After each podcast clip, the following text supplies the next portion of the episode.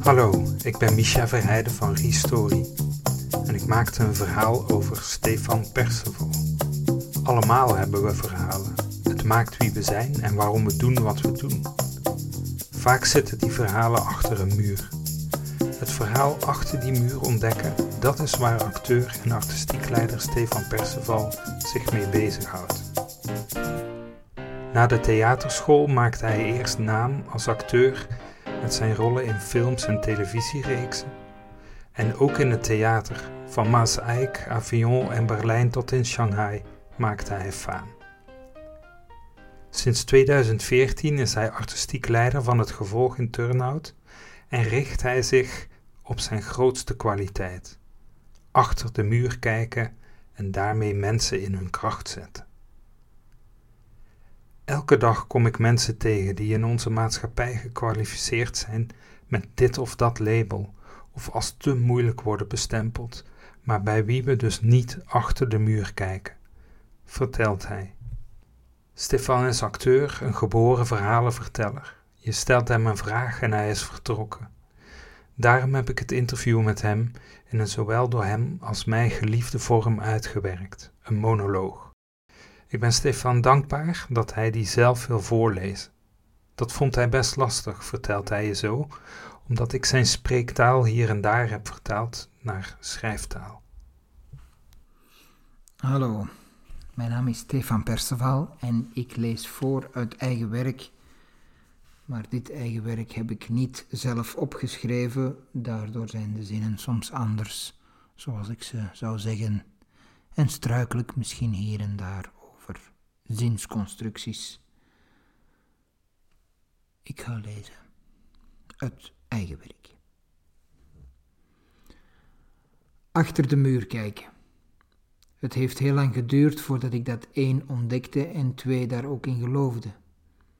Ik ben grootgebracht in armoede met alleen mijn moeder.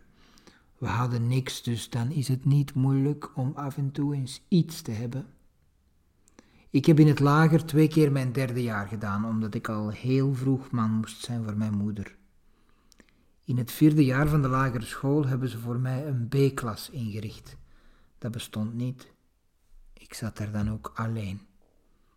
Dat zegt iets over waar ik mee bezig was.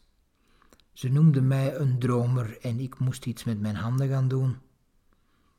Vandaar dat ik dan naar de hotelschool ben gegaan terwijl ik altijd bezig was met woorden en taal. Dat fascineerde mij. Maar ze zeiden: ga maar iets met je handen doen. Met dat artiest zijn kan je niks verdienen. Dat hoor ik VDAB-begeleiders vandaag nog altijd zeggen als ze bij me komen voor mensen die een traject bij ons hebben gevolgd.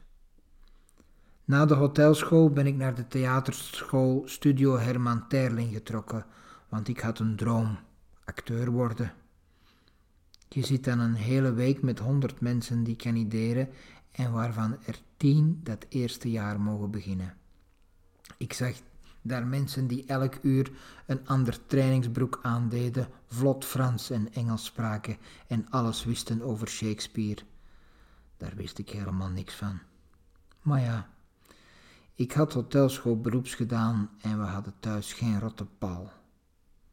Op het einde van die week en daarom vertel ik dit. Dat was nogal belangrijk. Op het einde van die week moest je het verschil tussen de spelende en de werkende mens tonen.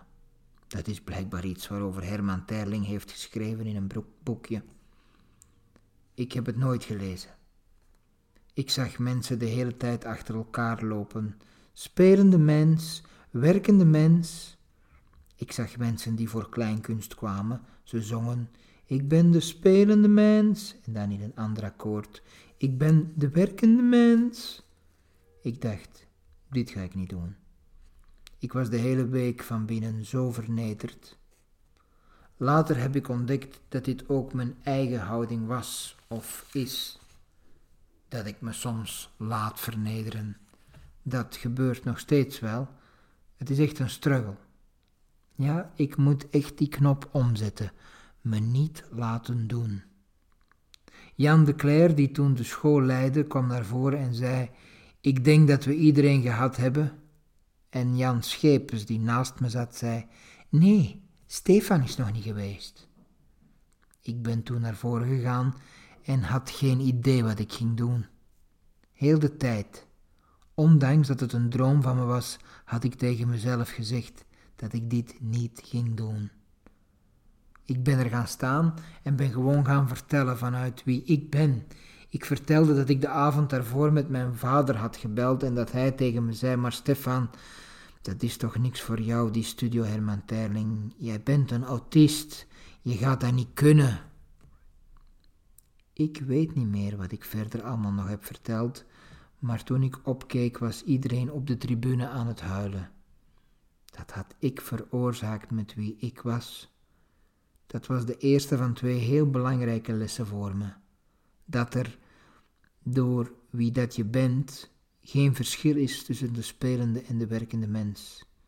Het is wie dat gij zijt. Ik mocht dus beginnen aan die theaterschool en nog eens. Dat was als een soort fame-academie met allemaal hitte petietjes die alles goed konden en dan ik. Het was veel uiterlijk vertoon, heel veel vorm en dat was iets waar ik niet goed tegen kon. Wannes van de Velde, de bekende Antwerpse zanger, gaf er gitaarles.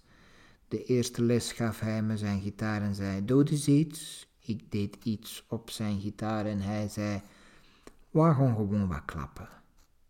En zo heb ik eigenlijk vier jaar met hem gebabbeld. Ga moet daar niet mee bezig zijn met die vorm, zei Wannes tegen me. Ga moet bezig zijn met wat er achter de muur zit. Als ik een liedje schrijf en ik loop door een straat en op het einde van die straat is er een muur, wat zit er achter die muur? Dat was mijn tweede belangrijke les. Kijk achter de muur.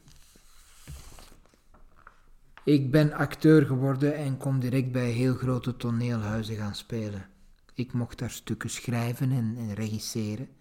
Ik kreeg er aanbiedingen uit Nederland, Duitsland en Denemarken om er te komen spelen en ik speelde in films en televisiereeksen. Ik schreef zelf heel moeilijke, abstracte stukken. Het thema was vaak ook de moeder en de zoon, de situatie waar ik vandaan kwam. Maar aan niemand, echt aan niemand, vertelde ik waar ik vandaan kwam. Wat mijn vorige situatie was. Ik ging aan niemand vertellen en zeker niet in interviews met Humo of Knak dat ik hotelschool beroeps had gedaan. Ik schaamde me echt voor mijn roots. En toen bleek uit een publieksonderzoek in het jeugdtheater Het Paleis, waarvoor ik veel producties maakte, dat die abstracte stukken waarbij bijvoorbeeld een acteur een uur stilstond in een plas water en tekst opzij, heel goed aansloegen bij jongeren uit het technisch en beroepsonderwijs. Barbara Wijkmans, de toenmalige directrice van het paleis, vroeg me of ik me met die voor de kunsten moeilijk te bereiken doelgroep wilde gaan werken. Dat zag ik helemaal niet zitten. Ik stijgerde echt, ik was een acteur. Wat ging ik in een klaslokaal staan theater maken? Ik had altijd ruzie met de kunsteducatieve diensten. Nog steeds trouwens. Stefan, het is te moeilijk, zeggen ze. Ja, alles is altijd maar te moeilijk. Het lijkt wel alsof het steeds erger wordt, dat alles te moeilijk is. Maar ik ging naar die school in Kontig en daar zeiden ze tegen me: Ja, meneer Perceval, het is een heel moeilijke klas. Als het niet gaat, dan stopt u maar. Ik kwam dat klaslokaal binnen en zag die mannen wat onderuitgezakt zitten en ik dacht: Dit ken ik. Hier ben ik ook geweest. Dan heb ik voor het eerst over mezelf verteld en ben ik ze vragen gaan stellen. Waar dromen jullie van? Mensen vragen niet meer waar je van droomt en waar je naartoe wil in het leven. We leiden mensen in grote kuddes op voor van alles, maar er wordt niet vanuit een droom of een passie vertrokken. Ga dat maar doen. Ik had in hetzelfde schuitje gezeten. Ga maar iets met je handen doen. Ik stelde hen allemaal vragen die hen nog nooit waren gesteld. Hoe sta jij s morgens op? Wat zegt je vader tegen je? En zo kwamen er verhalen boven. Iemand zei: Ik heb mijn vader nog nooit gezien. Dat wist die klas niet. Ze kenden elkaars verhalen niet, elkaars dromen niet. Vanuit hun antwoorden hebben we dan een voorstelling gemaakt. We kwamen live in het journaal, want dat was nog nooit gebeurd, dat een kunstenaar zich ging bezighouden met kinderen uit het beroepsonderwijs. Ineens was er aandacht voor hen. Ze kregen positieve aandacht. Dat is 16 jaar geleden. En dat project heeft een sneeuwbaleffect gehad. Andere scholen vroegen me ook bij hen te komen.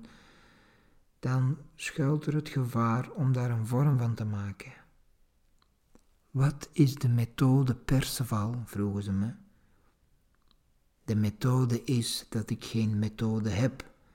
Dat je voor de groep gaat staan en kijkt wie er voor je zit en dan vragen stelt. Vanuit een gesprek of vanuit een niet-gesprek. Fabian sprak niet, hij zei niks. Zwaar autistisch, zeiden ze. Daar krijg je niks uit, Stefan. Hij zat in een school voor bijzonder onderwijs. Een grote jongen. Hij stond erbij als een palmboom en hij zei niks. Op een middag ging ik naast hem staan bij de cola-automaat en vroeg hem: Waarom zeg jij eigenlijk niks? Het heeft een kwartier geduurd en toen zei hij heel stilletjes: Mijn papa is dood. Kan je begrijpen dat iemand niet praat omdat hij zoveel verdriet heeft omdat zijn vader dood is? En hier, onze maatschappij zegt: heb je verdriet omdat je vader dood is? Eventjes, hè, en ga nu maar weer door. Je broer en je zus doen het goed, waarom jij niet? Bij die jongen was er letterlijk een muur in zijn hoofd gekomen en die hebben ze in het bijzondere onderwijs gezet, op het laagste niveau. Hij zat de hele dag naar een scherm te kijken en af en toe moest hij een haag knippen of een hemd strijken. Dan zou hij wel een kwalificatie krijgen. De dag nadien vroeg ik hem waar hij van droomde. Zijn begeleiders zaten erbij en zeiden: Stefan, dat is te moeilijk. Laat hem, zei ik. Maar hij praat niet, zeiden ze. Laat hem, zei ik. En toen zei hij: Ik droom van de sterren en de planeten. Hij praat, hij kan praten, zeiden zijn begeleiders. Ja, hij kan praten, zei ik. Maar hij heeft heel veel verdriet. Zijn papa is dood. Ja, dat weten we, zeiden zijn begeleiders. Ik zei tegen hem: Soms, als ik heel, heel, heel, veel, heel veel verdriet heb, dan kan ik niet meer spreken. Dan moet dat eruit. Dan moet ik wat wandelen en blijten. En tegen Fabian zei ik: Sterren en planeten, maat, daar ken ik niks van, maar zoek maar wat teksten over de sterren en de planeten. De volgende dag kwam hij. Die jongen die in het bijzonder onderwijs zat met een bundel teksten van Shakespeare over Jupiter, Mars en Venus. We hebben daar samen een tekst van gemaakt en dat is een monoloog geworden. Die heeft hij twee keer gespeeld in de Single in Antwerpen. Twee keer uitverkocht. Twee keer 800 mensen. Twee keer een staande ovatie. Laatst belde hij me op om te vertellen dat hij is afgestudeerd aan de Technische Universiteit in Eindhoven en bedankte me dat ik achter zijn muur had gekeken. Anders had hij hem nu misschien in een instelling gezeten. En dat is maar één voorbeeld. Zo kom ik elke dag mensen tegen waarvan ik zeg, die zitten hier niet op hun plaats.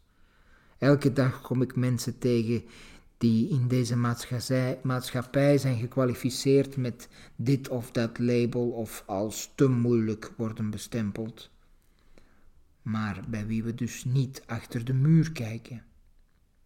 En mijn persoonlijke drive, mijn persoonlijk verhaal is de drive om dat wel te doen.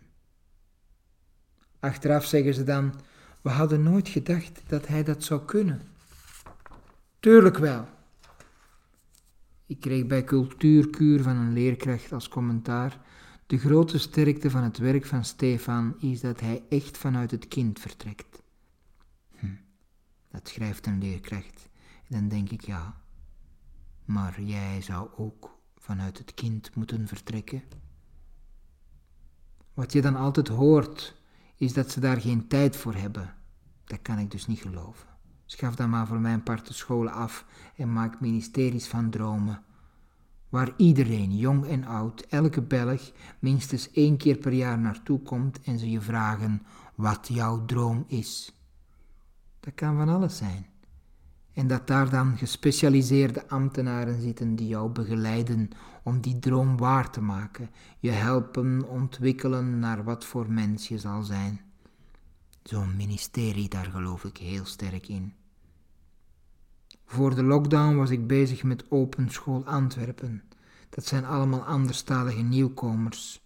En we zaten met een groep voor drie dagen hier in de grote post in Oostende. En daar was een man bij, Dada. Hij was een professor economie in Ankara en hij sprak alleen Turks. Hij had drie maanden daarvoor zijn vrouw, zijn kinderen en kleinkinderen op een rivier in Turkije voor zijn ogen zien verdrinken. Die man is hier bij ons en ons systeem zegt: deze man moet zo snel mogelijk Nederlands praten. Hij zat al een maand in die groep en het was de eerste keer dat zijn leerkrachten zijn verhaal hoorden. Kan jij je voorstellen dat als je dat hebt gezien, je dan een andere taal wilt leren? Wat is dan jouw motivatie? Waar we als maatschappij zo iemand het gevoel geven dat hij ook beter was verzopen, laat ik hem voelen dat zijn verhaal waarde heeft, door zijn verhaal te gaan uitbeelden. Ik vroeg hem of dat hij dat kon naspelen. Geen gemakkelijke vraag, maar dat is theater. Hij speelde dat hij met zijn kleinkinderen door de struiken liep en dat ze dan in dat bootje gingen roeien, roeien. En dan ineens sloeg die boot om. De kreet van die man. Dat kan je niet eens aan een acteur vragen. Hij speelde dat ook in de gezamenlijke groepsvoorstelling in de single. Het was het slotstuk van de voorstelling en hij eindigde met: Ik ben Dada. Ik ben nu in België. Ik ben alleen. Dat waren de Nederlandse woorden die hij tot dan toe kende. Een tijdje terug had ik een jongen die in de kleedkamer naaktfoto's van zijn vrouwelijke medeleerlingen had getrokken en die op Facebook had gezet. Een heel brave jongen die bij de paters Jezuïeten zat. Die waren natuurlijk gechoqueerd en die jongen mocht niet meer terugkomen naar de school. Zijn vader is een belangrijk zakenman, dus er moest wel iets op gevonden worden zodat hij toch kon afstuderen. En zo kwamen ze bij mij aankloppen. Of hij bij mij wat klusjes kon doen. Ik zal hem bij de technische ploeg steken, dan kan hij de camion in en uitladen, zei ik. Dat was goed voor de school. Natuurlijk doe ik dat niet. De eerste dag dat hij kwam, ben ik met hem gaan zitten. Ik vraag dan niet waarom hij foto's heeft getrokken van meisjes en die op Facebook heeft gezet. Nee, ik vraag: Vader, wat betekent dat voor jou? Hij begon als de dieselmotor van een oud binnenschip langzaam en sputterend te vertellen. En dan hoor je dat zijn vader eigenlijk nooit thuis is. Dat hij nooit is vastgenomen door zijn vader. Daar maken wij dan een verhaal van. We dramatiseren dat. We maken er theater van. Op de laatste dag van het schooljaar hebben we dan zijn klas en begeleiders uitgenodigd. Je voelde de vijandigheid in de gang. Ze kwamen kijken naar de gevaarlijke duivel die hun tieten op Facebook had gezet. De voorstelling begint en die jongen vertelt en danst wat we gemaakt hebben. En dan zeggen mensen achteraf altijd: Dat wist ik niet. Dat is de onwetendheid van deze wereld. Er wordt niet achter de muur gekeken. Dat is wat het ministerie van Dromen moet doen: achter de muur kijken. Laat die verhalen van Fabian, Dada en al die andere mensen die ik tegenkom een kracht zijn. Dat is niet onmogelijk, het is niet moeilijk. Het is wel arbeidsintensief. We kunnen al eens beginnen met 10.000 mensen. Laten we het eens proberen. Dat vind ik zo fantastisch aan bijvoorbeeld Nieuw-Zeeland, dat die minister-president zegt een vierdaagse werkweek en die andere dagen moet je bezig zijn met je passie of waar je van houdt. Dan gaat de levenskwaliteit inderdaad naar boven. Ik werk ook heel veel uren per week, maar Dat is mijn passie. Ik zie bij heel veel mensen dat hun werk hun passie niet is. Ik heb een man gehad, hij was totaal depressief. De VDAB wilde hem als laatste strohalm een traject laten doen bij het gevolg. Een technisch ingenieur en wij waren net een zaal aan het bouwen, dus gaf ik hem de plannen met de vraag waar we best de leidingen konden trekken. Na twee dagen was er niks. Hij had wel een mooie tekening van een vogeltje gemaakt. Ik zei, dat technisch tekenen interesseert je niet, hè? Zou je die vogel eens op de muur willen zetten? Hij is daar een hele week mee bezig geweest. En dan nog eens afwerken met verf. Weg was de depressie. Zijn vogel staat in het gevolg op de muur en hij komt er elke maand eens naar kijken. Door het tekenen van die vogel heeft hij ingezien: het gaat hier over mij. Als ik mij beter voel, voelt mijn omgeving zich ook beter. Hij werkt niet meer als technisch ingenieur en heeft beslissingen genomen. Dat is achter die muur kijken. Dat gebeurt er als je mensen het geloof kan geven, vertrek vanuit wie jij bent. De overheid moet durven zeggen: we gaan op de levenskwaliteit van onze mensen inzetten. Laat mensen in zichzelf geloven. Laat ze voelen dat ze waardering krijgen. Dan denk ik dat het een veel betere wereld zal zijn. Dit was Stefan Perceval voorgelezen uit eigen werk. Dank u wel.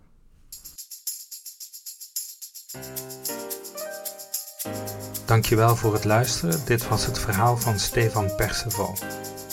Als ik uh, na afloop van dit interview met hem over de dijk loop in Oostende, komen we samen tot de ontdekking dat de hotelschool waar hij het over had dezelfde is als waar ik naartoe ging.